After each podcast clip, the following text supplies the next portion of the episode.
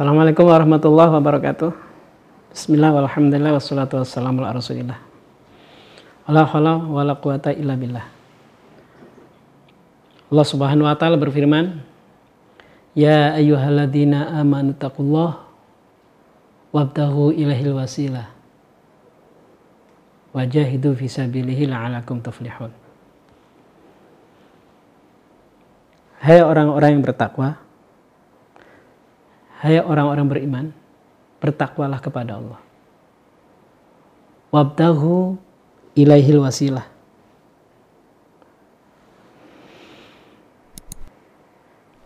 Dan carilah wasilah. Carilah jalan untuk mendekatkan diri kepada Allah.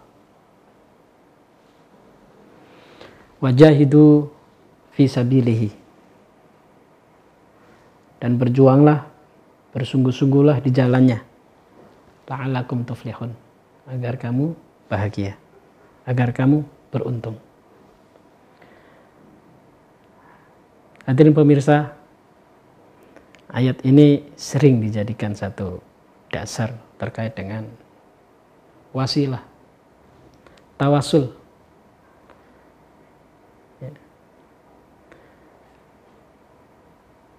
berbuat atau membuat wasilah atau bertawasul. Ini kalau hanya sebatas pembahasan ketika didiskusikan tidak akan pernah selesai. Ya. Wasilah itu bukan untuk dis, terkait dengan tawasul dan wasilah bukan untuk diskusi. Coba jadikan sebagai satu amalia. Kenapa orang masih banyak membahas sementara dia sendiri tidak melakukannya? Nah, itulah pembahasan, ngobrol-ngobrol mulu. Makanya nggak akan jadi manfaat. Berbeda dengan ketika tawasul berawal merupakan jadi satu kesadaran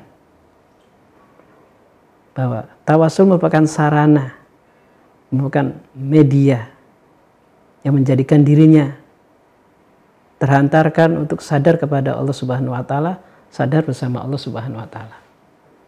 Ketika itu dilakukan, justru akan melahirkan berbagai macam pengalaman dan pengetahuan. Sehingga muncullah konsep, dikonsepkan. Berbeda ketika konsep itu datangnya dari orang yang tidak punya pengalaman, tidak punya pengamalan. Munculnya perdebatan aja. Silakan dengan dalil apa pun, sebanyak apa pun, selagi dia tidak merasakan tawasul, dirinya tidak bisa menjadi sarana untuk bertawasul kepada Allah. Bahkan dirinya nggak sampai kepada Allah itu sendiri. Makanya ketika kita mengikuti disiplin dan ajaran para salafus soleh, orang-orang soleh, tawasul bukan sebatas sebagai mana cari dalilnya, bukan. Diamalkan. Makanya di situ akan diajarkan Bagaimana caranya tawasul itu? Ya. Secara praktis, kemudian dikenalkan konsepnya. Nah, di sini.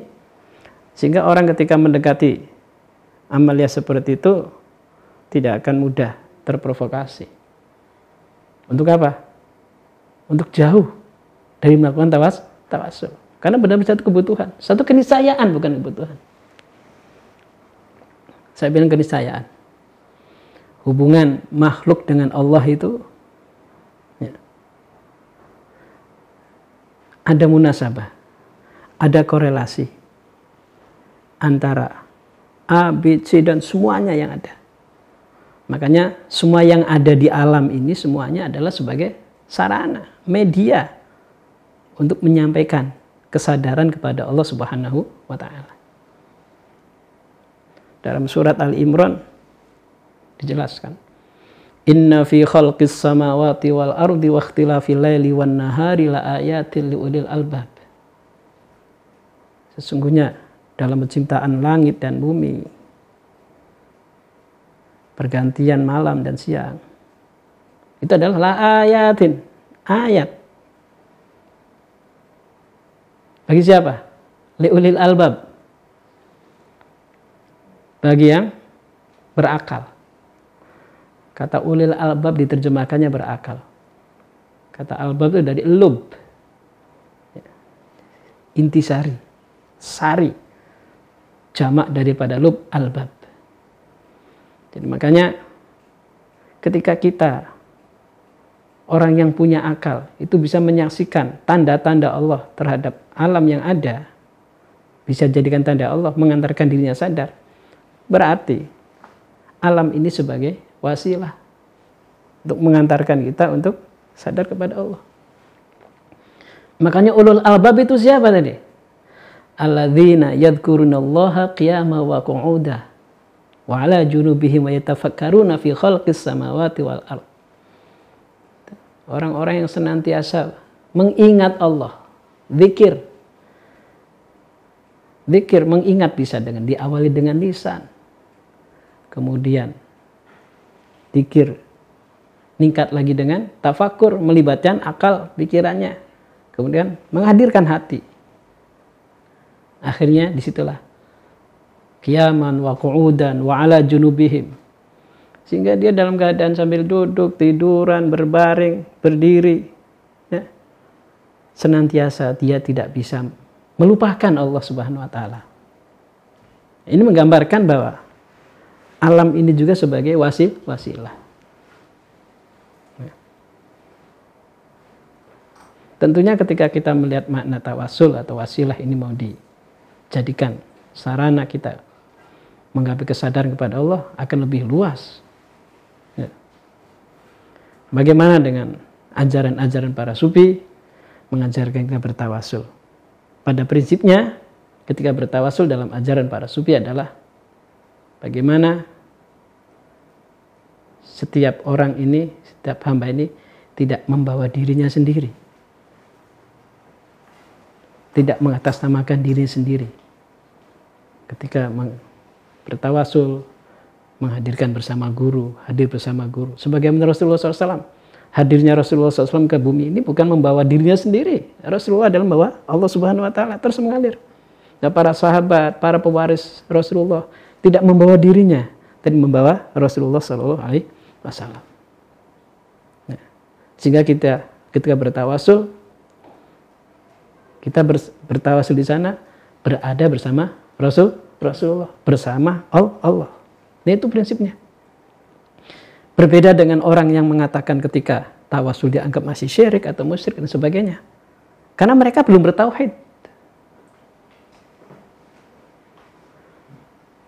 Bertauhid itu dengan hati, bukan dengan akal. Bukan dengan pikiran. Kalau bertauhid masih menggunakan akal, masih ada dualitas. Kenapa? Kerjanya akal selalu menganalisis, menganalisa.